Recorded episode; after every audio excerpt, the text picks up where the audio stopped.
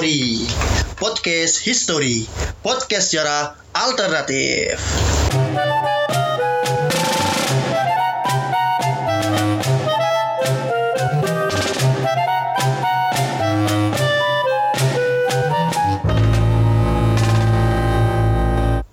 Halo, selamat datang di Potori episode kedua.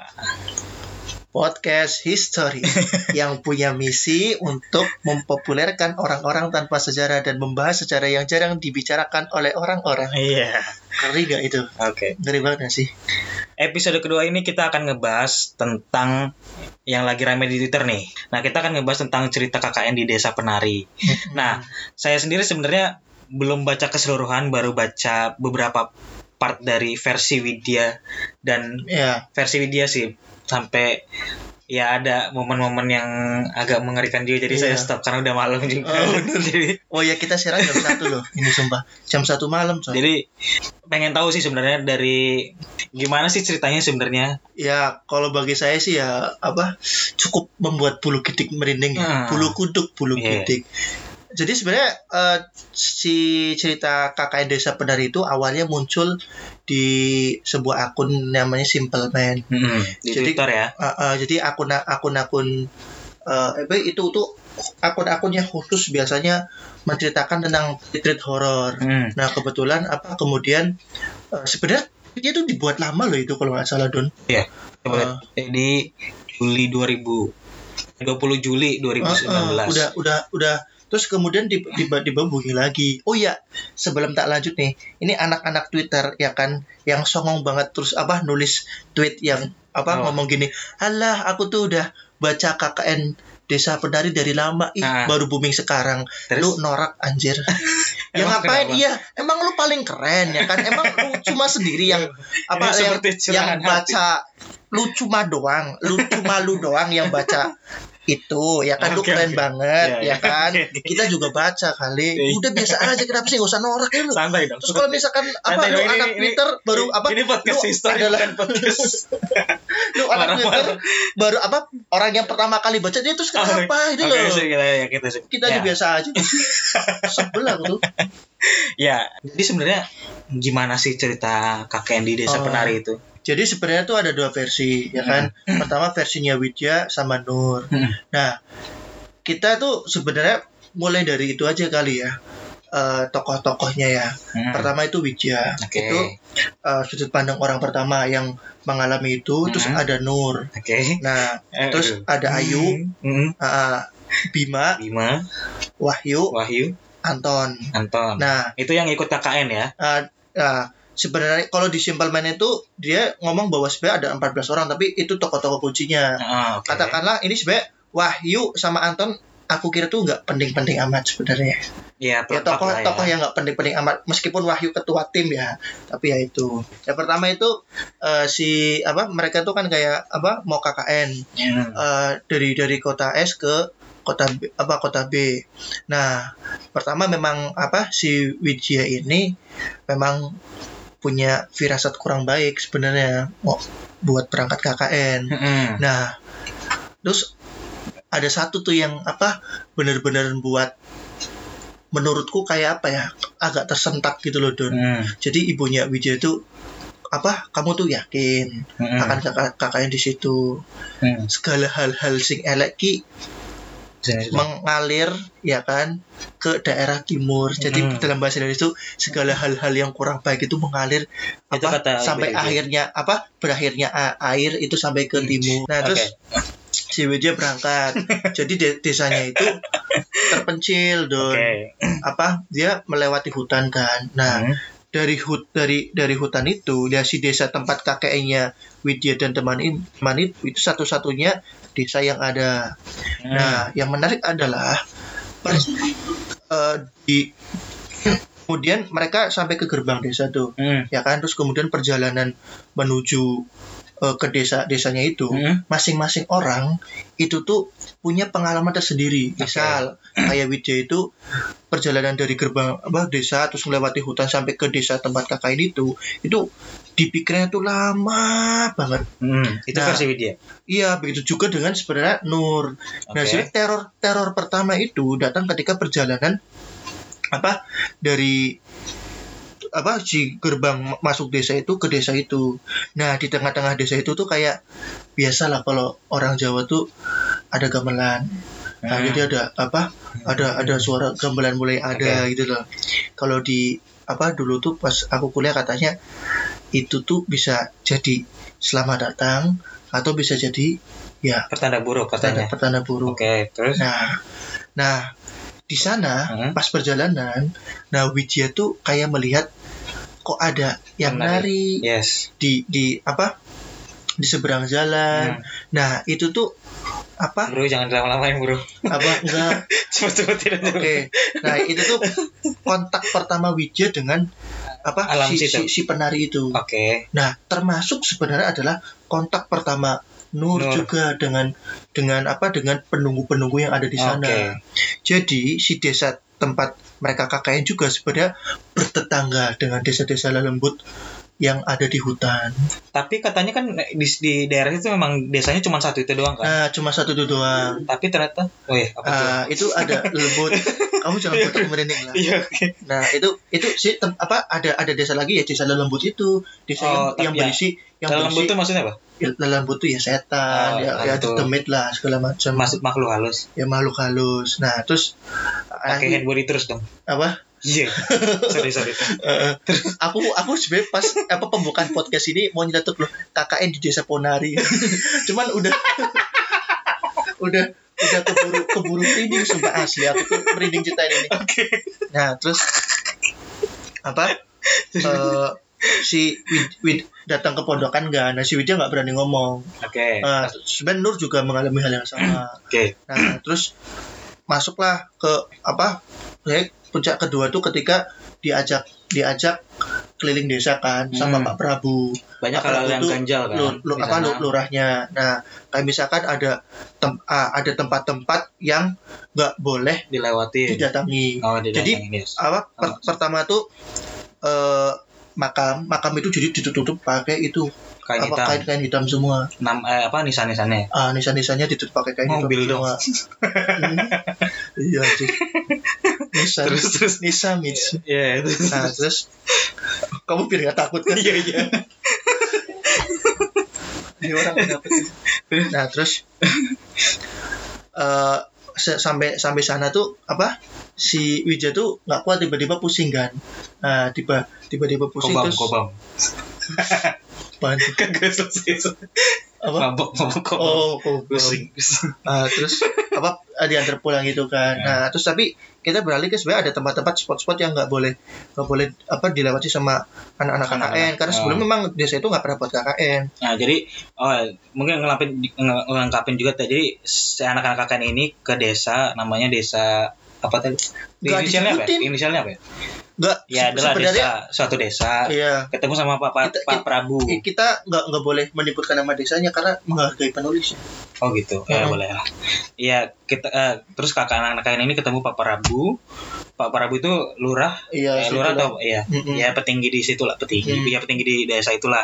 Jadi Pak Prabu itu kalau yang baru saya baca sih, jadi Pak Prabu itu memang ngasih tahu nih tempat-tempat mana yang ada di desa ini apa aja, Hmm. termasuk makam tadi, terus daerah-daerah yang nggak boleh dilewatin, sungai, eh, tempat mandi dan segala macam. Hmm. Nah Ya, terus tem- ada kalau tem- tempat mandi itu juga itu oke ya karena dibuat mandi ya. Dia Hmm. ada sendang namanya. Nah terus ada satu sendang yang dekat sedang tuh sendang tuh kayak apa ya? Eh tempat mandi, WC, bukan ya sebenarnya toilet. Iya sih tempat mandi. Sendang itu tempat mandi. Nah, ada dua sebenarnya. Sa- satu sedang yang nanti buat Nur sama Wijaya mandi. Satunya lagi yang, yang dekat sama hutan. Yang sebenarnya eh, itu tuh tempat terlarang karena dikasih garis merah. Oh di luar eh di luar garis merah itu. enggak di dikasih tanda merah. Oh, dikasih oke. kain merah itu yang artinya tanda bahaya. Iya, oke. nah terus nah Terus? itu itu dekat hutan yang sebenarnya nggak nggak nggak boleh Jarang ada dipakai. orang di sana. Oh. Sih, bukan bukan sedang apa sih? Pokoknya eh, Ya itulah. tempat terlarang lah ya Ya, ya. Nah, terus, apa akhirnya nah teror teror pertama tuh dat- datang apa ke- Ketika? ketika si tiba-tiba tuh apa Wijaya kan Iya. habis itu pusing tuh. Terus tiba-tiba dia tuh kayak ditemukan Hmm. sama teman-teman temannya itu tiba-tiba nari di tanah lapang. Hah? Nari. Kok nggak baca itu? Itu Kamu- versi Nur ya? kamu belum baca Itu versi Nur. Nah si Wijanya memang nggak sadar kan? Nah tak nggak sadar kan? Tiba-tiba tiba udah nari kan? Udah nari di, di tengah lapang gitu terus anjir. Jangan gitu lah anjir. Capek goblok. Jangan niruin cerita biasa aja. Terus terus. iya ya, ya. apa nari kan nari apa nah terus habis itu si A- apa Anton lihat wah Wahyu juga lihat Oh, Nah, oke. pada pada lihat Masa- semua kan Hmm, terus? nah terus akhirnya karena kan berarti ada yang salah kan sama sama Widya itu nah terus si Widya dibawa ke orang pintar namanya Mbah Uyut nah terus Kok suruh udah minum, sampai situ? minum kopi Iya, udah terus. nah suruh minum kopi kalau kalau misalkan apa manis Hmm? berarti kamu bagian dari si Oh. lembut ini nah kalau Oh. pahit berarti udah udah udah nggak ada yang nempel Tapi kopi itu kopi kopi hitam gitu. ya kopi hitam Oke, terus nah ah, siapa tadi Mbah? Mbah Buyut Itu kayak Buyut. siapa tuh? dia kayak dukunnya lah kayak Dukun desa situ. ah, dukun-dukun desa situ Oke, terus nah terus habis itu berarti ini mix antara versi Nur sama Widya ya? Soalnya Iya. belum baca yang ki- kita belum iya baca yang itu. ah, mix aja nah terus oh sorry sebenarnya harus ada itu Gimana? masalah yang mereka mandi di sendang itu nah kan sebenarnya kan Ya, gini aja konflik pertama kan konfliknya datang, terus ah, Widya sama Nur hmm, karena mereka yang paling sensitif mungkin ya karena Iya. karena Widya yang paling Widya yang di yang diincar lah ah, ah. Nur itu ternyata indigo katanya. iya dia dia indigo Nah, sama jadi dia dua orang ini yang memang sensitif lah Mm. gitu. Nah, konflik pertama itu pas berangkat, yang kedua itu ada di pas mereka mau mandi kan. ah mereka nah, mau nggak usah mandi diceritain lah ntar Hmm.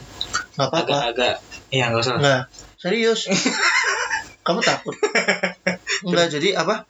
Eh, si Widya sama Nur kan terus mandikan karena Hmm. memangnya udah terus ada satu sendang tempat mandi di sana. Hmm, Nah, aku mixing dua versi ya. Jadi yang versi eh, yang yang pertama tuh versinya Widya itu pas nungguin Nur Nur mandi Hmm. itu tuh ada yang kidung nyanyi di dalam. ya Nah, terus Nur, Nurnya di apa ketok-ketok itu nggak ada sautan segala macam ya Widyanya kan aneh kan. oke Nah, terus sementara pas Nur. Nur, Nur keluar, mereka nggak saling ngomong dulu loh. Mereka mereka nggak saling ngomong. Jadi oh ketika enggak enggak Ah, ah, kamu oh iya itu ah, ah. nah Oke, terus ya. Wijaya masuk nih. Wijaya masuk, Nur kan udah indigo nih. Nah, si Nur tuh langsung apa? biasa aja biasa biasa aja Kan dia ditargeti ke genderuwo kan. Kan- Jadi, nah si Nur tuh kalau si Wijaya yang ngincer penari, si Nur tuh genderuwo sejak Eh, awal eh. pertama. ya oke, terus Nah, terus kita sebut aja Ji Ji ya nggak apa-apa lah, Bismillah. jangan bro ini kamar saya bro Oh. Nah, terus apa itu? Nah, terus si si Mr. J itu kan Oke, minta mintai Nur gitu terus kan ya gara-gara Nur bawa bawa kalau bahas orang Jawa tuh bilang bawa besel bawa pegangan Hmm, karena dia termasuk orang indigo kan tadi? Indigo dan dia Oke. punya penjaga. Nah Oh, penjaganya itu dianggap rese intinya kayak gitu. Karena menjaga si, si Nur ah, dianggap rese sama pem- penghuni desa lembut itu Oke. kan. Nah terus si Widya masuk nih gantian mandi kan sama Nur. Nah si Nur juga dengerin kidung. Nah, oh, pas- pas dia di- denger juga? Ah, ah, pas dilihat dari itu si Wijanya itu udah berubah jadi si penari itu. Hah? di dalam? Iya. Pas mandi? Pas mandi. Ah, tapi kan versi Widya dia dia apa? Eh gimana sih? Pas pas pas Wijaya itu pas Wijaya mandi si Nur cuma denger kidung-kidung doang. Oh terus? Eh pas si si, si Nur mandi Wi- Wijaya cuma denger kidung-kidung doang sama di tok tok tuh di apa nggak nggak jawab kan. Nah terus kan apa si Wijaya aneh gantian. Hmm. gantian si Wijaya mandi Nur yang di luar denger kidung juga ya kan? Nah terus apa? Si si Nur kan nengok nengok gitu kan. Terus dia lihat lihat si penari lagi mandi dengan tubuhnya Wija Pak, Oh. sorry, maksudku tubuhnya Wija ber- berubah kan di si penari itu. oh terus? Ah, nah, terus mereka keluar kan terus terus Widya sad- sadarnya gimana ngopo wit apa pa- pas Ngopo pas wit. apa pas di tok tok tok mereka nggak buka aja jadi si Wijaya itu bahkan apa pengen buka gitu loh Ah. jadi nah tapi oh di, di dalam itu sadar ya versinya Wijaya tapi dalam versinya Wijaya di- dia tuh cuma mandi tapi ngerasa ada yang di ada yang liatin Iya, iya, gitu iya, loh iya, ada yang liatin. situ. Heeh. nah terus mau membuka-buka nggak bisa si Nur pun sebaliknya. Oh. pengen nolongin Wijaya membuka-buka nggak bisa. Mungkin pintunya digeser kali ya ya harusnya. mungkin. Bukan didorong eh, atau ditarik. didorong. emang kayak digeser oh gitu. Nah, aduh. Nah, terus aduh. aduh ya kan? Hmm. nah, terus mereka pulang. Oke terus pulang. terus sebenarnya uh, mereka kan awalnya mereka nggak mau menceritakan hal-hal Hmm. janggal itu kan. Karena ya pertama hmm, eh, Wijaya juga barangkali enggak kan tapi akhirnya mereka yang ceritakan Setelah paginya, malamnya. ya itu juga. setelah itu juga setelah itu Oh. kalau nggak salah nah terus apa, apa si Nur sama Wijaya akhirnya berbuka apa bertukar pikiran. Be- ya Cerita buka lah, sharing, cerita sharing. lah sharing ya kan masalah itu iya aku juga denger gong ya Oke. kan bahkan bahkan si Nur itu lihat Mr. G nah itu kontak pertama dia sama Mr. G Oke. kontak pertama Wijaya dengan si penari itu si Nur dengan Mr. G itu Oke. nah terus nah pokoknya bisa kalau di apa si Wijaya kan dibawa tuh ya kan ke Bah, dibawa ke bah bah dukunya kan nah terus karena apa Iya. tuh? apa kak eh bah habis habis mereka mandi itu si si Wijaya itu kesurupan itu Nari-nari itu. nari-nari itu Oh, nah terus Oh, masih ke bawah berarti ya? masih coy nah terus dibawalah ke ke Mbak Uyut itu Hmm. nah katanya kamu ada Jangan yang memelankan suara nih.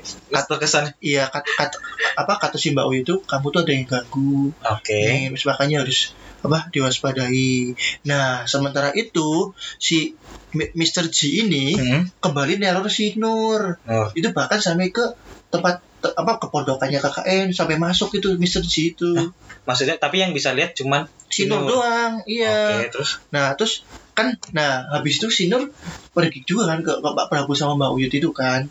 Nah ini versi ini disambung ya? Jadi Hmm. di, di, langsung aja, sambung. sambung sambung aja ya. Ketika si Wijaya apa ke Mbak Uyut suruh moyup moyup itu. Apa tuh nguyup tuh? minum. Minum. minum kopi. Jeruput. jeruput kopi itu. Nah kalau misalkan manis oh berarti dia ketempelan korok-korok Hmm, pahit Tadi, Nah, betul, terus- di, di satu sisi si ternyata rasanya?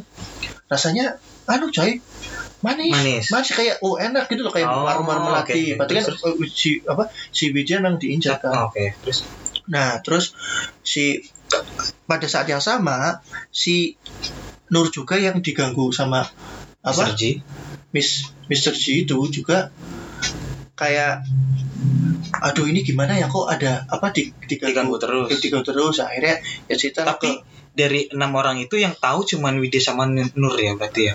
iya yang yang masukku Yang mengalami kontak langsung ya. Oh, Oke, terus mengalami kontak langsung itu itu mereka terus nah terus akhirnya eh ada si si Wahyu juga Wahyu. si, si Wahyu itu ketua timnya Mm-mm. nah terus akhirnya ah eh, pada akhirnya tuh si Mbak Uyut itu kan Nur punya penjaga nih Mm-mm. ah oh ya, eh, si Mbah Dok itu Sepertinya Anda tidak tidak ahli dalam menceritakan ulang. iya. Si Mbah Dok itu terus Mbah Dok itu akhirnya dilepaskan. Oleh Mbak oleh oleh Mbak Uyut. Karena apa tuh? karena karena selama dia ngikutin apa ada di Nur ya kan? Mm-mm. mas semua semua makhluk akan ngikuti dia karena si penjaga iya sekarang si si penjaganya itu si Mbah Nok itu dianggap apa bertindak kurang aja sama warga lelebut sana Bukannya itu untuk menjaga si Nur ah tapi kemudian tetap kan anu don apa menarik dia perhatian. tetap menarik perhatian akhirnya kemudian dia dilepaskan kan dengan membeli apa menyembelih ayam ayam Tapi apakah itu. memang itu tujuannya Mbah itu Mbah? Bandok bukan bukan siapa Mbah Mbah Duyut Mbah Uyut Mbah iya Duyut. agar si maksudku minimal selama Tapi memang selama Mbah Duyut itu orang baik ya? ya orang baik Oh, terus. selama selama kamu kakak di sini kamu nggak ada gangguan gangguan Oh, gitu nah se- se- Setelah setelah tahu itu berarti? Setelah tahu itu sebenarnya apa Nur tuh udah udah nggak ada apa-apa lagi apa-apa. nggak merasakan apa-apa lagi. Nah si Uyu tuh apa dilepas ya terus dia berkelahi sama hampir setengah setengah apa wilayah makhluk ma- apa yang ada di sana. Hmm, terus? Nah terus ya kembali ke apa si Wijaya Wijaya. kan. Nah si Wijaya ini nah ini yang klimaks kedua ya sebenarnya Pak Ba- menurutku bagus ya. Eh apa? Anda dong. Iya kamu udah membocorkan Terus Nah, si apa beri pada si- siang tuh si Wah, apa Wahyu mau pergi tuh ke kota. Nah, terus si Wi- untuk untuk peralatan KKN lah. oke. Nah, terus si Wij- Wijaya tuh ikut. Nah, intinya Ah, mereka tuh eh, naik naik motor. motor oke. Eh, terus dia tuh pergi ke kota terus pulang pulang sore jam 4 gitu kan. Nah, terus apa Hmm. tanya sama tukang cilok gitu kan. Ada tukang cilok di Di, di sebelum masuk desanya. oh ah, terus? gitu terus tanya oh Mas apa ada di mana gitu kan terus oh ini lagi KKN oh KKN di mana oh di de- desa X katakanlah Ah, serius itulah. ah. itu kan itu apa harus lewati hutan dulu iya Hmm. pak terus kan tukang ciloknya sampai kaget sampai kayak tapi itu masih wilayah kota ya? geleng-geleng iya ber- berarti masih wilayah kota. Kan Ah. belum balik kan jam Oke. 4 kan. Terus sampai dia tuh kayak meny- menyarankan mas mending apa sama mbaknya nginep aja baliknya besok aja. Karena udah malam ya udah mau malam, ah, ah. Ka- sampai sana tuh pasti malam. Oke, katakan cilok itu. Nah terus ya udah nggak apa-apa dilanjut aja. Si Wahyu akhirnya ngelanjut. Oke. Nah terus si Wah perjalanan ke desa itu kan Hmm. Nah itu kan malam tuh. Nah si Wahyu apa nyeplos gini, you know. kayak wit kayaknya enak ya. Apa kalau misalkan tiba-tiba apa banyak bocor terus Hah? ma- apa atau mati ya Apa kan tuh maksudnya motornya. ya bercanda awalnya bercanda nah terus akhirnya kejadian beneran nah ini goblok banget nah kejadian akhirnya motornya macet ya kan Eh? nggak nggak kenapa kan tiba-tiba macet tuh ya oke oke Nah, Terus, tiba macet terus mau nggak mau kan dituntun kan. Hmm. Nah, dituntun itu di mana di tengah hutan berarti tengah hutan di jalan menuju desa itu. oke Nah, terus apa? Eh di- didorong didorong ya kan sama Wijaya sama Wayu. Wijaya kan kesel banget kan. Nah, tapi itu udah masih jauh masih jauh coy. Oh, terus Nah, tiba-tiba di tengah hutan itu jangan Ada- memelankan suara jangan Iya. dramatisir storyteller ada orang yang hajatan padahal itu di tengah hutan. Tengah hutan ada orang hajatan jadi kayak kayak tapi pertama datang dong iya sua, suasa, suasananya tuh kayak apa ya? Kayak desa terus ada orang hajatan. Iya. Nah terus? Terus kayak pertama datang yang Widya dengar kan? Enggak beda. Kalau kalau yang Widya dengar kan cuma ada penari oh doang terus terus terus. Nah itu benar-benar literally orang hajatan. Ya. Jadi kayak ada panggung di sana. itu yang dengar? Apa? dua-duanya? Dua-duanya. Nah si Wahyu itu kena berarti. Oh. Mengalami itu dua-duanya. Nah terus ada orang apa ya kayak gimana sih Ya, lazimnya orang hajatan hajatan tuh kayak ada yang suguhan, ada minuman. tapi dengar suara doang Enggak, literally ada orang oh oke di desa itu. Nah terus, nah itu kemudian kontak kedua kalinya si Widya sama penari. dia Nah, si hajatan itu kan motor anu nih, Cuk. motor macet kan. Nah, terus Iya. tiba-tiba ada bapak nawarin, "Mas, kenapa macet motornya?" Hah? "Iya." Iya, ada yang Terus, itu. Macet. Yaudah sini dibetulin bapaknya baik banget. Hmm. Nah, terus dibetulin tem, apa teman-teman orang-orang ini, Hmm. masnya sini sama mbaknya sini aja sini makan di hajatan Ah, di hajatan. terus Terus disuguhilah makanan sama minuman. Heeh. Nah, sebelum itu sih Mbak Mbak U itu udah pesen apa pun yang yang ka- yang disuguhkan orang kalian Di harus terima iya harus makan. Nah wah Uyut eh, kayak gitu. Nah terus kan mereka makan kan? Maksudnya di desa itu kan bukan ah. di tengah hutan kan? Ya Tapi- ta- ta- tapi kayaknya mungkin berlaku untuk penduduk desa itu juga kali don. Oh terus? Nah terus akhirnya mereka makan kan? Ah sambil apa apa ngobrol sama orang-orang segala macem. Nah terus ah, sampai akhirnya motornya udah jadi nih. Eh tapi sebelum itu Widya lihat penari. Nah di si di hajatan itu? Dia jadi itu di, di, di atas panggung. Dia lagi Hmm. nari berkelak-kelok dan segala macam terus? Ah itu kontak kedua. Itu cantik banget itu sih oh dia ngeliat orang itu eh Dilihat. si lihat ngelihat itu di, di atas itu. di atas panggung si penari si- itu. nah terus nah, Apa? Narinya nari tradisional. Ya, tradisional jelas namanya penari. Nah terus apa pulang kan. Oke. ah, mereka, mereka apa motornya udah selesai. Mas udah selesai. Oh udah nyala tiba-tiba nyala. Terus eh sebelum itu pulang apa? apa? Yang benerin siapa? Orang situ bapak itu. orang hajatan itu. Yang tem- bapaknya rame itu. Ya kayak kamu na- bengkel nanggap nanggap nanggap itu loh nang- nanggap kayak pasar online tuh kayak apa sih Hmm. aku tuh membayangkan keriuhannya kayak gitu gitu loh Hmm. nah terus motor motor apa udah jadi terus pamit pulang kan si Widya sama Wahyu itu nah sebelum pulang dikasih itu jajan kayak eh gorengan tapi mereka makan kan? Mereka makan. Mereka makannya apa? makan. Nggak tahu ya? Ya ya kayak kayak Oh, hajatan Oke, jajan oke, hajatan oke. itu nggak Oke, sih? tahu ke arahnya. Terus terus? Ya kan? Nah terus di- dibawain? dibawain terus bawa dibawa Oh, pulang. Oh oke. dibungkus koran nggak? Nah, di, Ah. di, terus ditaruh di tasnya. Widya taruh di tasnya Widya itu? Yang I don't know Apa?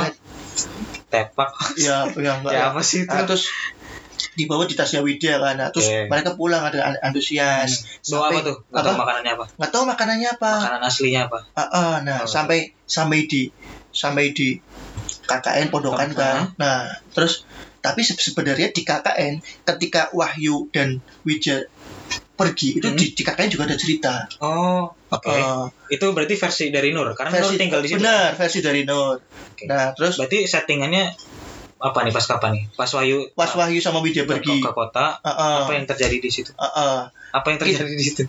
nah jadi intinya yang si bingung tuh Anton Anton. Eh, jadi ini kita anu ya. Jadi pada yang sa- sa- saat yang sama ketika Wid Widya sama Wahyu pergi ke kota, itu juga Nur Nur diceritain Anton itu bahwa Diceritain Anton. eh, di- Bima tuh aneh. Oh, Oke. Ah, Bima itu kan temannya Nur. Mm-mm. Dulu satu pesantren segala macam. Dia tuh kayak apa? Kejelekan-kejelekan Bima itu kayak satu ya dia naruh fotonya Widya. Intinya dia tuh kan suka sama Widya sejak di mana? awal. Di, di bawah anu tempat tidurnya. Ah, oke. Ya, terus habis itu si Anton tuh sering sering mergoki si, Si Bima, itu Bima? coli dan Hah? ada suara ada suara perempuan-perempuan. Serius. Jadi Bima tuh apa? Tapi Anton yang dengar. An- Anton denger Tapi juga. ngeliat ya? Enggak ya? Enggak juga. Ah, terus Enggak ada yang lihat. Jadi apa? Tapi suara apa? Suara suara perempuan-perempuannya itu enggak ada. Nah, maksudnya enggak ada nggak nggak ada orangnya. enggak ada. Oh, terus terus. Nah, sampai sampai akhirnya kan si apa? Si Nur kan bingung kan. Intinya bahwa kebiasaan Bima apa sering kayak eweh atau apalah segala macam dan kedengaran suara perempuan itu berlangsung pula apa beberapa kali sampai pada akhirnya Nur tuh nemu ada fotonya Widya di sana. Tapi itu eh, posisinya Wahyu dan Widya keluar tuh pas berapa hari berapa lama di desa itu? Iya, ah, itu itu nggak be- begitu ceritain ha- hari Oh. keberapanya. Nah, pokoknya nah kebiasaan itu Berarti otomatis itu udah agak lama ya. ah, agak lama. Nah, terus apa? Nur kan penasaran banget Hmm. kan. Nah, si akhirnya si Nur tuh eh, minta diantar Anton Ke? ke tempat prokernya Bima. Jadi Oke. tempat prokernya Bima itu dia dekat dengan daerah terlarang yang sudah dipagari sama kain merah. Oke. Ah, jalan Garis merah atau kain merah sih? kayak kari- kain merah garis merah mah polisi polisi eh kuning ding nah terus apa pura-puranya nah pura-puranya ditemanin Anton kan Ah, Enggak, proker tuh maksudnya setiap, Program setiap, kerja. enggak, setiap orang itu punya sesuatu yang harus dikerjakan. ya benar ada biasanya ya kalau aku dulu ya ada broker individu Hmm. ada broker tim nah Ah. kebetulan Contoh contoh misalnya Contoh, proker brokerku tim tim tim. Tim pro- dulu. aku oh, pro, Broker tim. pro- broker tim dulu aku pas KKN di Imogiri itu broker timnya itu eh, apa kesehatan ternak Mhm. sama pengelolaan sampah sama Oke. pembuatan biogas Berarti itu secara, secara kelompok kan. kelompok Si individu apa? individu aku yang ngajar terus bikin eh, pelang terus apa lampu Oh, lampu jalan oke. terus sama aku Oh, itu bikin kerjaan ke- sendiri. kejuaraan dibantu juga jadi nanti ada program apa kayak program kerja pokok program kerja bantu kalau kamu bantu kamu dapat poin berapa jam gitu Oh. itu teknis banget sih tapi lah Ya, berarti Itu- ya itu. gambaran seperti itu Ah, ya. Jadi si nah, Bima punya kayak Di- Bima. Bima punya proker sama Ayu nah Ayu itu juga Oh. dari awal udah ngincer sama Bima Karena Ayu suka sama Bima kan. Ayu suka sama Bima Bima suka sama suka Widya. sama, sama Widya complicated Widya gak suka sama siapa-siapa iya saat itu. saat itu Oke. Nah. Jangan-jangan sama Simple Man ini. Wahyu paling nah terus nah terus akhirnya jadi Atau jangan-jangan Simple Man ini Wahyu. I don't know about that Oh, oke. Aduh. Nah, terus si Nur kan penasaran tuh apa iya yang diceritakan apa bener-bener kayak Anton tuh bener kayak itu. Nah, akhirnya minta diantar Anton. Tapi di, di apa di jalan itu Anton suruh pulang dulu dengan alasan Ayu tuh mau gimana gimana. Ayu? Eh sorry, si Nur Nur. tuh mau gimana gimana dulu. Eh maksudnya? Maksudnya ada alasan lah, aku mau ke rumah Pak Prabu atau apa segala macam. Oh, jadi Nah, Anton terus- balik dulu Nah, ya. terus si Nur memberanikan diri untuk mendatangi untuk men- mendatangi Bimanya di proker itu sih. di proker itu. Jadi ada ada lahan yang dekat apa sama sendangnya terlarang itu. Hmm. Bahkan Anton udah ngomongin goblok, Bima ini goblok tenan segala macam. Nah, si Nur itu ya kan dengan takut-takut ya dia mendatangi kan ada tangga naik gitu kan Dun. Mm-mm. Kalau oh kalau baca lihat tempatnya cukup mudah juga tangga, tangga naik ya kan terus dia tuh tembus sama membentur pohon gede membentur pohon gede jadi di jalan Oh, setapak jalan jalan setapak jalan tapi jalan itu cuma bisa di- dilewati satu orang jalan setapak kamu bayangin jalan Oke. samping kanan kirinya itu kayak up semak semak lah segala macam nah di ujung jalan itu cuma ada pohon gede setelah pohon itu nggak ada ya? ah benar oh, betul, betul. Oh iya. setelah pohon terus tahu.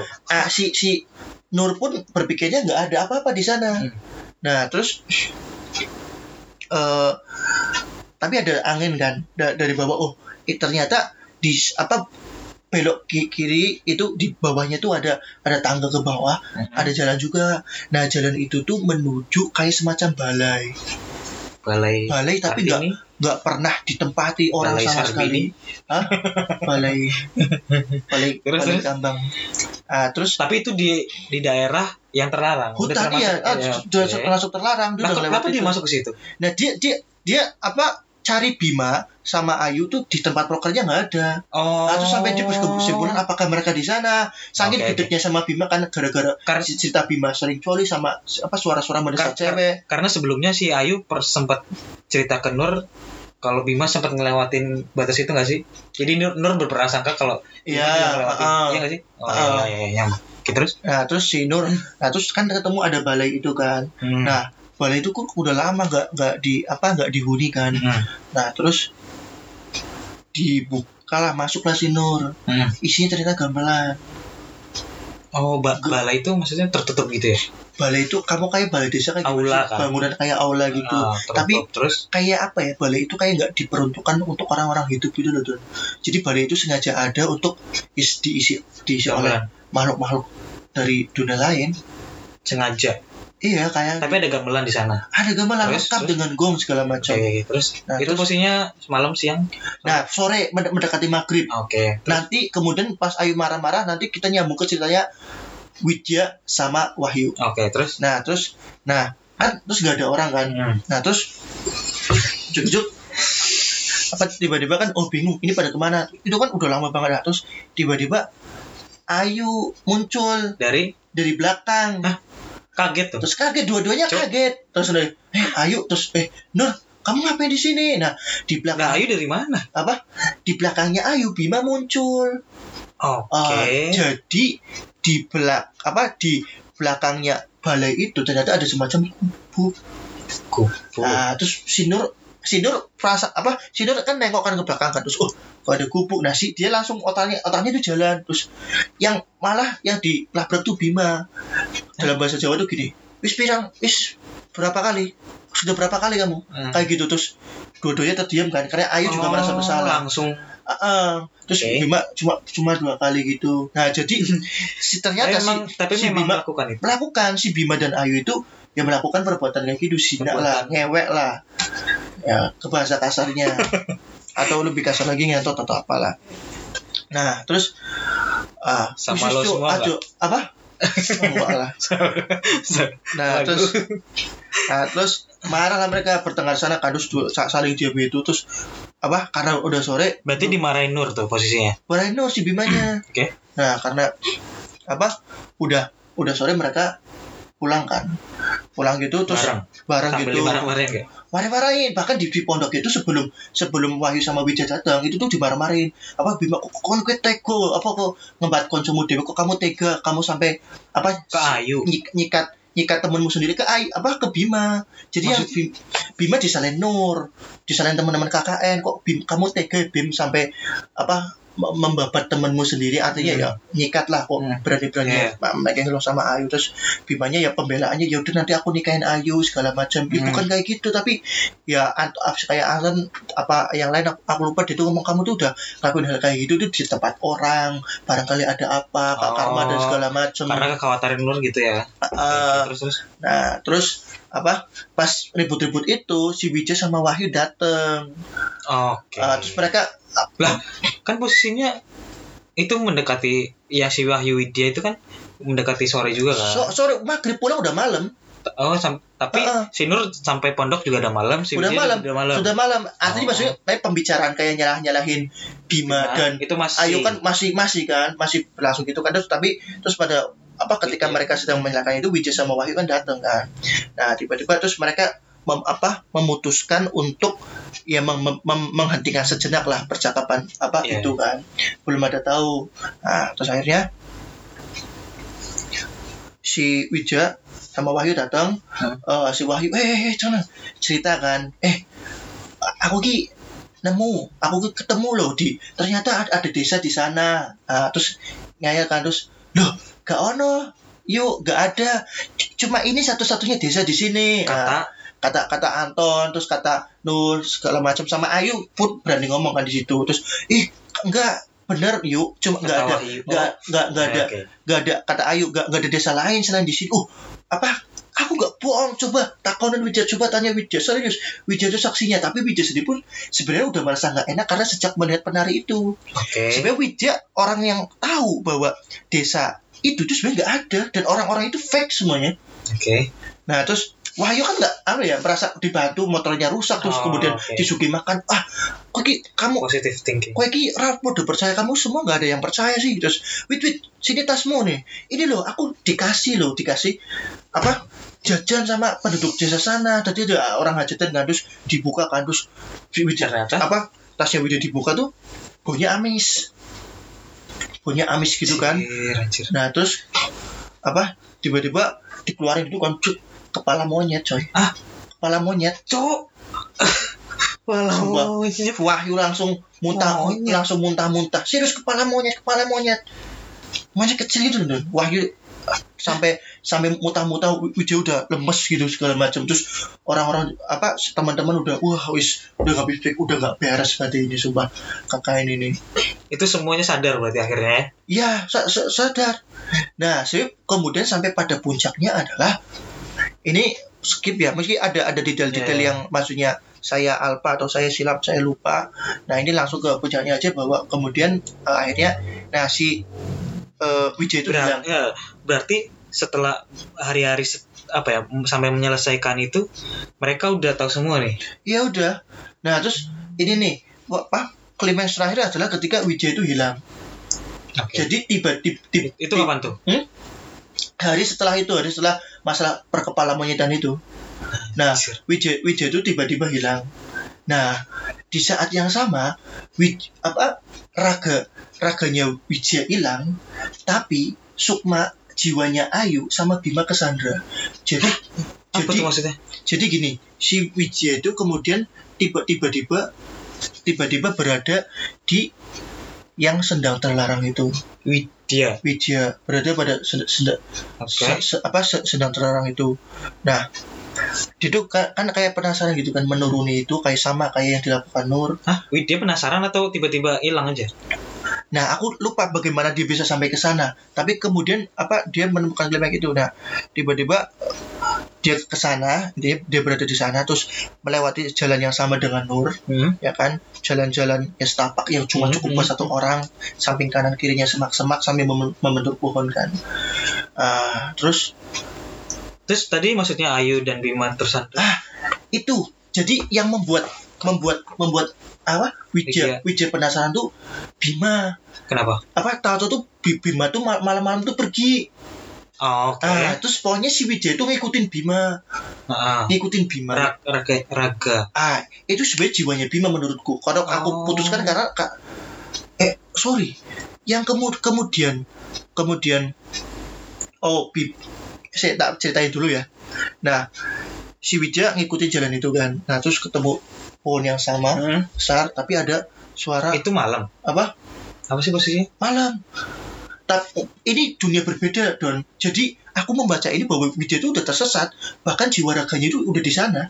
Oh, Oke. oke jadi Terus? itu nggak teridentifikasi malam atau siang segala macam Eh. lang- langit. Tapi langit apa udah udah gelap pas dia mau keluar itu kan. Nah, terus apa ada suara hembusan Hmm. apa hembusan angin gitu kan. Terus? Dari apa dari oh, samping pohon itu harus ada jalan setapak Wijaya menyusuri itu lagi. Terus?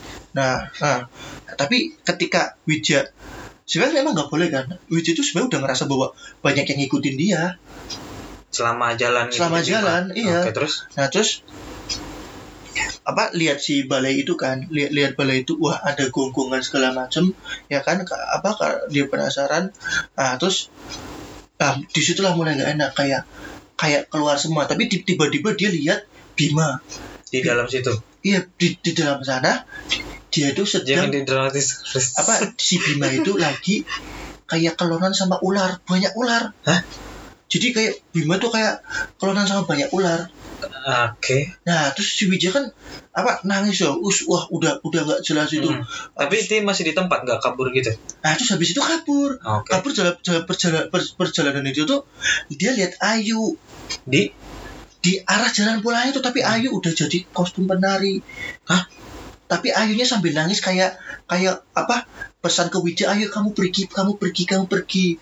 Nah, terus oh, di belakang udah banyak banget itu yang kayak warga Yang nyari-nyari. warga warga desa lembut lembut gitu. Hah? Iya, jadi keluar- keluarga orang-orang. lembut lembut warga desa Iya. udah udah ngik- ngikutin Ayu terus Ayu kan eh sorry Wi- Wija sambil nangis nangis terus lihat lihat si si Ayu apa nari sambil nangis segala macam Hmm. nah, sampai akhirnya Wija ditemukan jedet ternyata dia, dia udah hilang selama sehari Oh sehari Malam. kira sebulan. sehari semalam itu Oke. nah pas dia kemudian balik itu dia sambil nangis nangis itu dia dia ngomong dia lihat Bima sama Ayu si Ayu ternyata lagi kejang-kejang Hah? Si Ayu kejang-kejang terus apa si Bima juga ditemukan.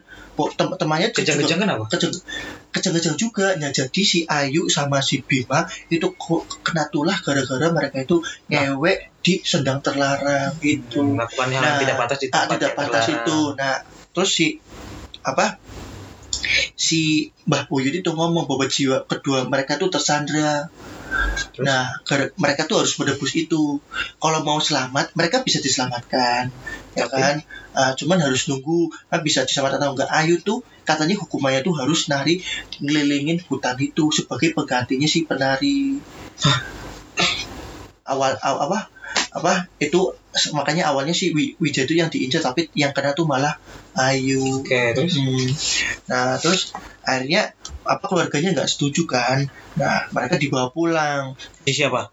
Di Wija sama Bima mak kondisinya masih kejang-kejang. kejang-kejang semua. Kayak eh, gitu gimana sih Don? Oke. Kayak eh bisa kayak orang anu tuh. Tapi Terus- kok kakaknya belum selesai? Terus DPL semua dipanggilin segala macam. DPL Terus apa?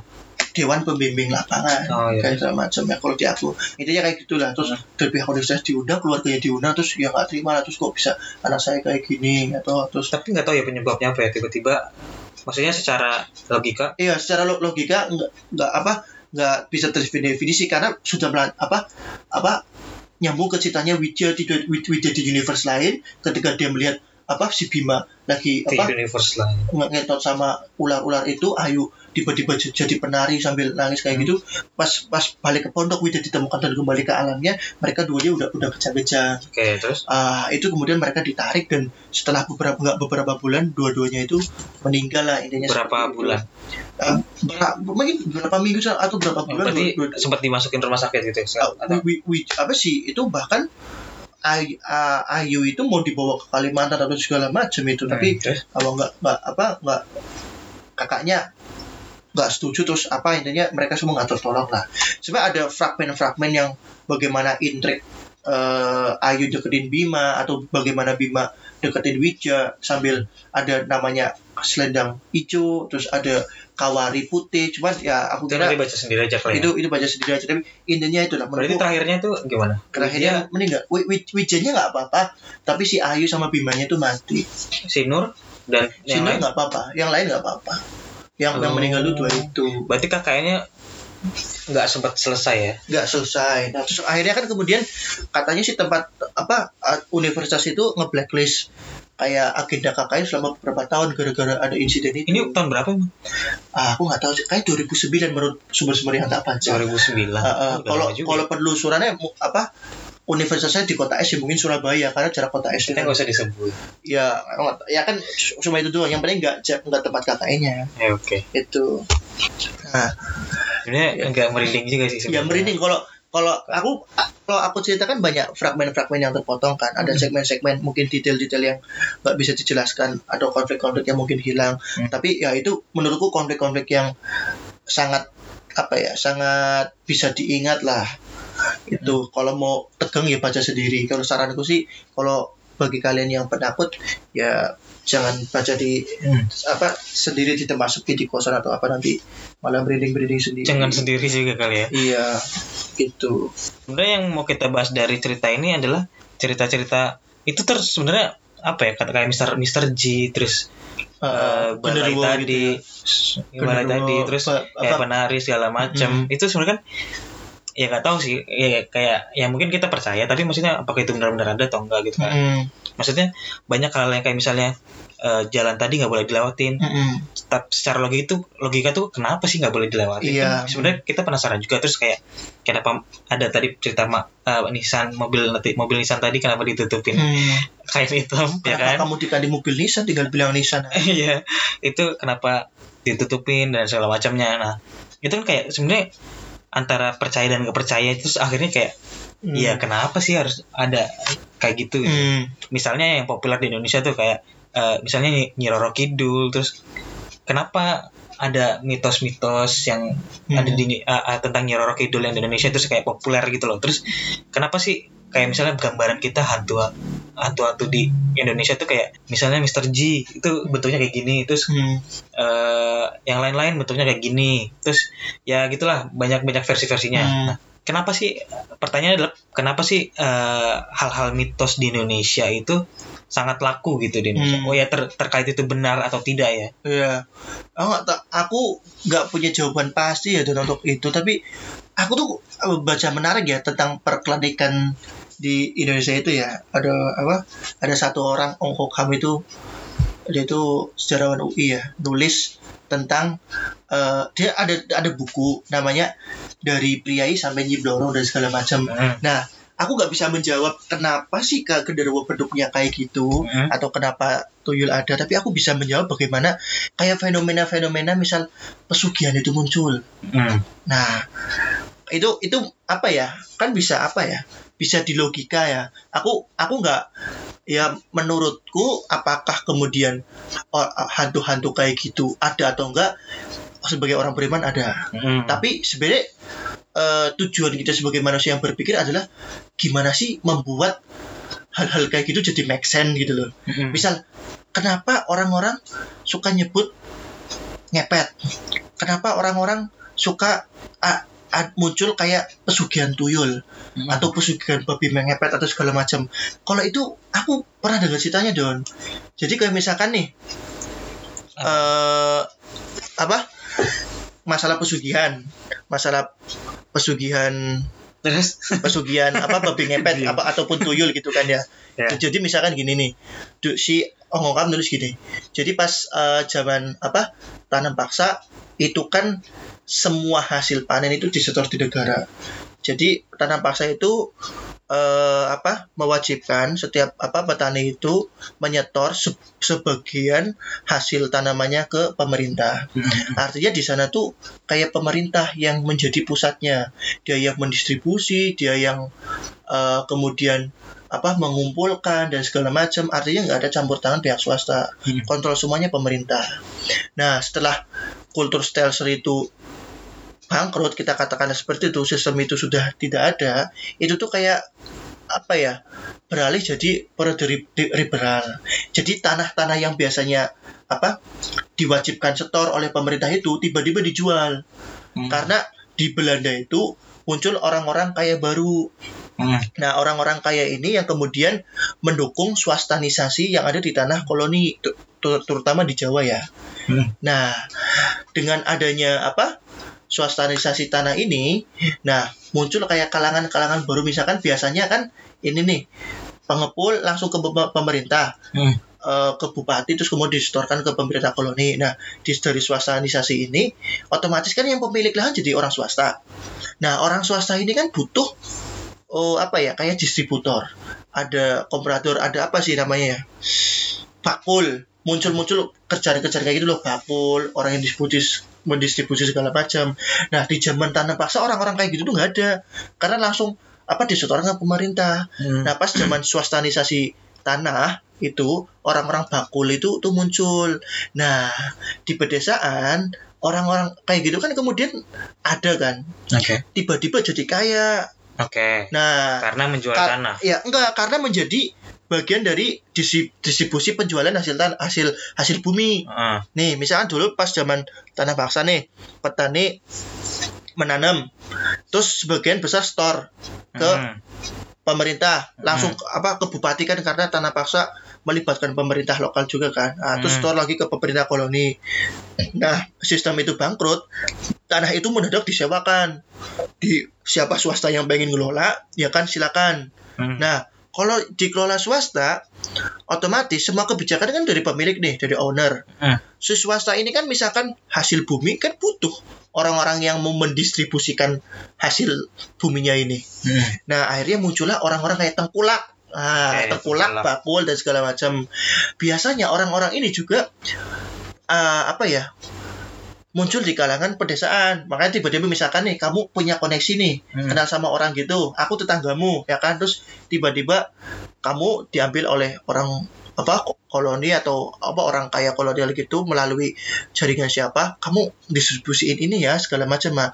nah dengan distribusi keuntungan gitu kamu kan langsung punya duit kan jadi Hmm. kaya kan nah orang-orang Jawa yang belum terliterasi itu merespon kayak orang yang kaya mendadak kayak model-model kamu itu tiba-tiba dengan apa kayak sebutan ih ini pasti pesugihan nih Hmm. ini pasti tuyul nih Hmm. karena sebagai apa ya kegagapan mereka merespon sesuatu hal di luar nalar mereka Oke. ekonomi makro ekonomi mikro perubahan di tingkat global dan segala macam akhirnya orang desa wah tiba-tiba odon kok jadi sugi ya jadi kaya ya nah itu pasti pesugihan. Hmm, kalau nggak ya, oke. apa tuyul ya pasti babi ngepet. Nah itu kalau pesugihan ini make sense nggak sih? Kayak gitu. Oh, cuman oke. aku nggak nggak apa ya nggak bisa nggak bisa apa menjelaskan kenapa sih kayak tuy apa tuyul bentuknya kayak gitu apa apa atau kuntilanak bentuk kayak gitu genderuwo bentuknya kayak gitu.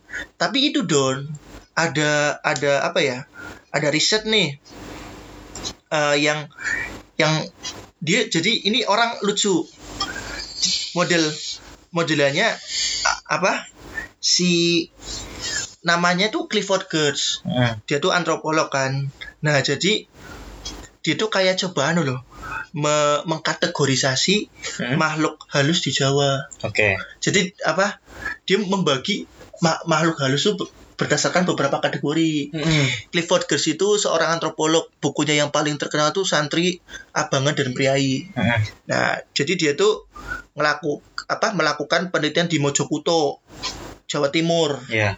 nah tahun Mojokerto di mana tuh? kayaknya Mojokerto. Mojokerto deh Mm-mm, di Jawa Timur di tahun 1950-an. Nah, menurut Clifford Geertz ini ini lucu nih. Jadi ini pas banget ya kan si KKN kan di apa di Jawa Timur kan.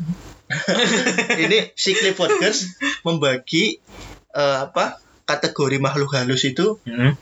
juga di Jawa Timur juga Penel- penelitian di Mo- Mojokerto Jawa Timur tahun 1950-an. Jadi dia membagi eh, makhluk halus itu ke dalam lima golongan. Oke. Ya, si apa? Yang pertama itu dari Apa? hasil penelitiannya ya. Satu tuh memedi. Memedi. Eh, Oke. eh, Lima golongan, satu tuh Yang memedi. Jawa pasti tahu tuh. Ah, jadi nah, ini apa definisinya ini nih? Cuk, Si memedi, memed, iya, memedi itu makhluk halus yang menakut-nakuti. Jadi Ya. memedi itu khusus makhluk makhluk halus yang menakut-nakuti. Jadi misalkan ada pengalaman teman-teman punya pengalaman horor atau apa terus tiba-tiba ditakut-takut ya itu memedi itu namanya. Oke, Karena kategori kedua. kerjanya Iya. menakut-nakuti. Tapi ini loh, kayak dia ngasih contoh. Oh, masih contoh juga. Eh, eh, antara lain tuh kayak jerangkong. Aduh, apa tuh? Jerangkong tuh apa orang yang kerangka, setan kerangka tau nggak? Gak usah disebutin lah. Eh, eh, terus Skip aja lah. wedon, Ah, gak usah. Banaspati berjalan di atas air kedua tangannya sambil mulutnya Ah, menyemburkan shit, api. Gak usah dijelasin. Hey, Terus. Jim, Uwil, genderu, genderuwo masuk memedi ya. Masuk kategori memedi ya. kategori kedua apa? Kategori kedua itu lelembut. Oke. Ah, Apa tuh? ah, ya, Kata jadi- definisinya aja. jadi Gak usah disebutin contohnya. lelembut itu suka merasuki orang sehingga membuat korbannya itu kesurupan, Oke. sakit, gila bahkan meninggal dunia. Jadi yang suka Waduh. merasuki orang tuh lelembut gitu. Oke. Kalau memedi Tiga. Ah, oke. nakut-nakuti. Tiga itu tuyul. Ma- makhluk halus yang mewujud anak kecil. Ya, terus membe- yang memberikan kekayaan pada pemiliknya. Empat. Nah, si em- empat tuh demit. Demit tuh kayak penunggu tempat-tempat keramat Kirain. apa. Ya udah lanjut. Nah, terus ya biasanya dia menerima permohonan orang yang permohonan orang dengan kaul. Kaul tuh apa ya? Semacam perjanjian.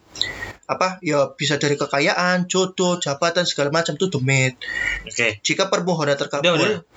eh, atau biasanya si dia lupa menunaikan kewajibannya itu ya apa nanti biasanya si Ada konsekuensi. de- dem- demitnya itu nagih biasanya datang ke rumah pakai apa jadi penyerupai ular hitam itu loh nah terus Yang kelima. yang kelima terakhir. tuh danyang danyang tuh kayak roh pelindung Oh. roh pelindung tuh kayak ya roh pelindung yang apa ya yang menetap di suatu tempat.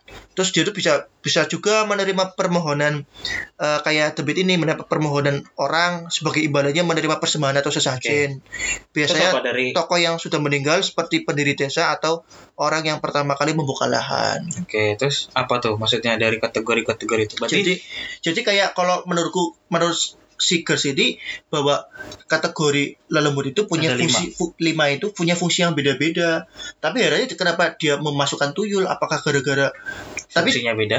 ya, fungsinya juga tetap aneh sih ya me- mencari kekayaan ya jadi Ah. pertama tuh kalau bisa dilihat ya fu- fungsi pertama tuh eh memberi itu menakut-nakuti terus kedua tuh Merasuki.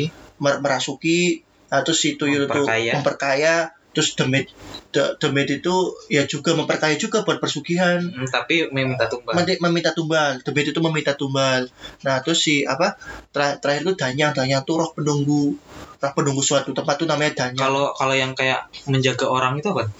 kodam Beda lagi ya? Eh, tapi si Clifford Curtis nggak apa nggak Belum nemu kali waktu itu. ya mungkin ya karena kan penelitiannya di Jawa Timur juga Iya, betul.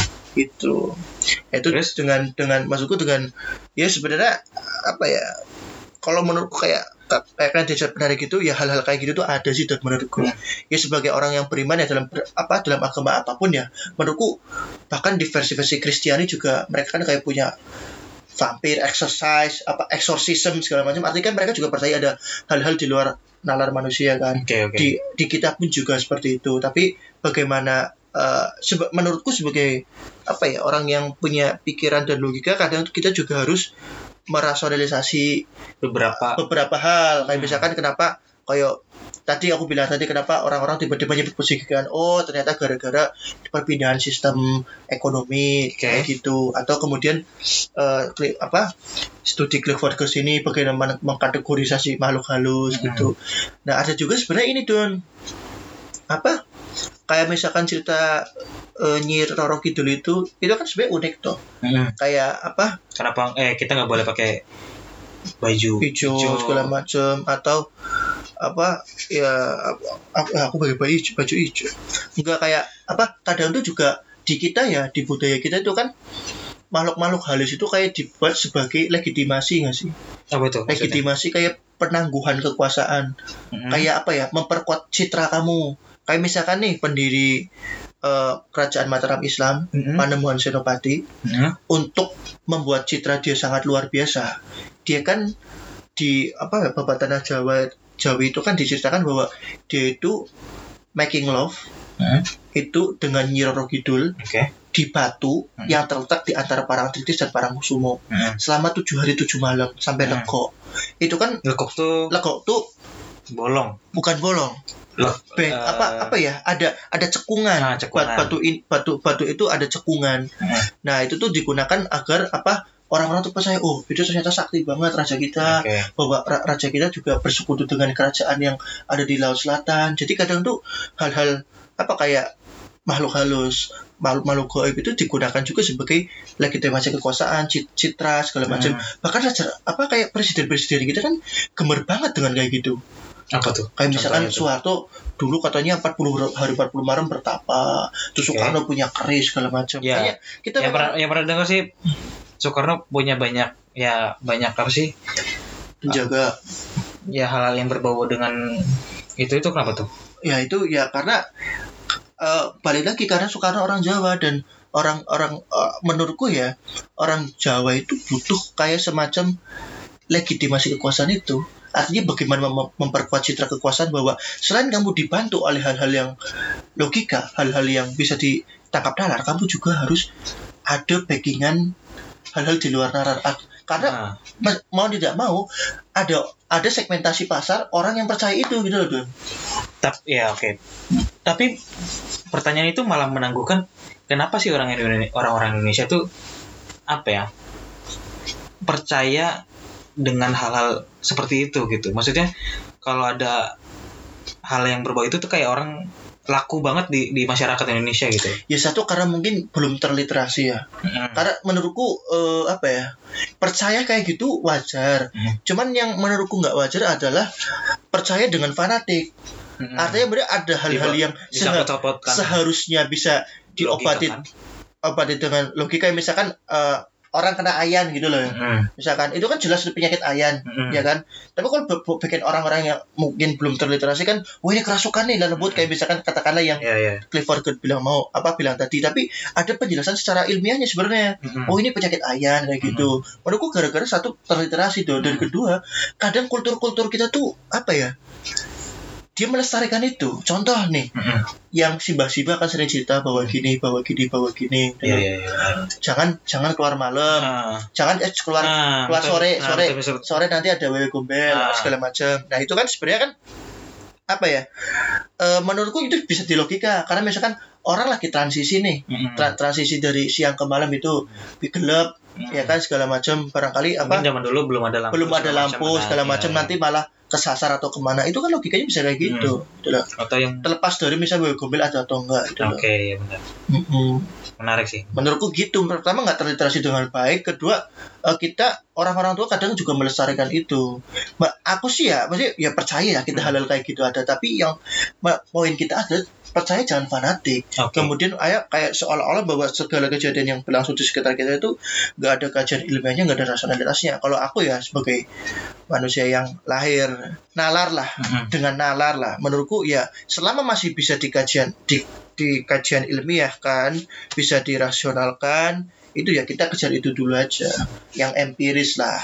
Kalau memang misalkan eh, itu jadi luar ya sudah hubungi ustaz atau kiai terdekat Oke. atau berarti- hubungi pastor Berarti terdekat mungkin kesimpulannya dari cerita kakan itu nanti kesimpulannya bisa dibaca sendiri gimana. Cuman eh, ya pertama memang dunia lain itu memang mungkin ada gitu kan. Kita harus Mm-mm. percaya juga. Cuman maksudnya mungkin ada beberapa hal yang kayak mitos-mitos kayak gitu sebenarnya nggak nggak harus dipelihara dalam artian Hmm. kayak perlakuan terhadap hal-hal yang sebenarnya bisa kita apa ya bisa kita rasionalkan bisa empiris Hmm. bisa di, di, di- ada kajian ilmiahnya harus di, lebih diutamakan menurutku mengantisipasinya itu Hmm. bukan dengan hal yang lebih mistis misalnya Oh, kayak tadi keluar misalnya di setelah maghrib atau segala tapi lebih ke kayak ya memang lebih baik di rumah karena memang menuju Mm-mm. gelap jadi takutnya Iya. gimana gimana atau takut uh, karena beberapa mitos itu memang dibuat ternyata memang dibuat orang dulu itu untuk, untuk mengantisipasi untuk, uh, uh, pertama untuk mengantisipasi. Contohnya yang misalnya keluar malam dan segala macam. Mm-mm. terus yang kedua kalau zaman kerajaan mungkin lebih ke kayak merepresentasikan kekuasaan. Mm-mm. karena kayak misalkan kedekatan pada Senopati dengan Nyi Roro Kidul. Eh, jadi itu kayak merepresentasikan kekuasaan. Kalau dia itu memang citra kuat eh, sakti mandraguna. Terus, ya gitulah. ada yang dia buat-buat. Nah, tapi permasalahannya adalah mitos itu tuh se- selama ini tuh kayak diulang-ulang terus di akhirnya apa ya diturun temurunkan diceritakan Hmm. lagi. Tapi jadi akhirnya mitos itu kayak jadi satu kepercayaan orang-orang gitu loh. Padahal sebenarnya kalau misal dikaji secara ilmu pengetahuan ternyata memang ada ada apa ya representasi dari Hmm, apa yang terjadi saat itu ya, ya gitulah. Gitu sih. Itulah teman-teman. Ini mungkin podcast agak panjang ya dan kebanyakan kita termakan di storytelling about KKN Desa Penari but it's okay. Tapi ya silakan apa semoga enjoy lah mendengarkan lah ya. Kalau ada kritik boleh loh. Gitu aja deh. Gitu aja sih. Eh, jadi apa jadi apa? Jadi selamat membaca eh, yang tweet itu dan jangan lupa kedepankan nalar dan logika karena saya yakin anda adalah orang-orang yang Yes. berpendidikan. Yes banget gitu. Mungkin next kita akan ngebahas sesuatu yang lain kali. Ah, ah, ya iyalah. Bisa ya kirim ke apa sekarang emailnya ganti baru episode satu eh, episode satu berganti. Apa emailnya apa sekarang potoriindonesia at gmail.com bisa dikirim potori@indonesia@gmail.com ya misalkan teman mau membahas Hmm. itu aja deh. Oke gitu aja sih. Oke gitu aja. Terima kasih teman-teman. Sekian dari Rembes. Oke bye bye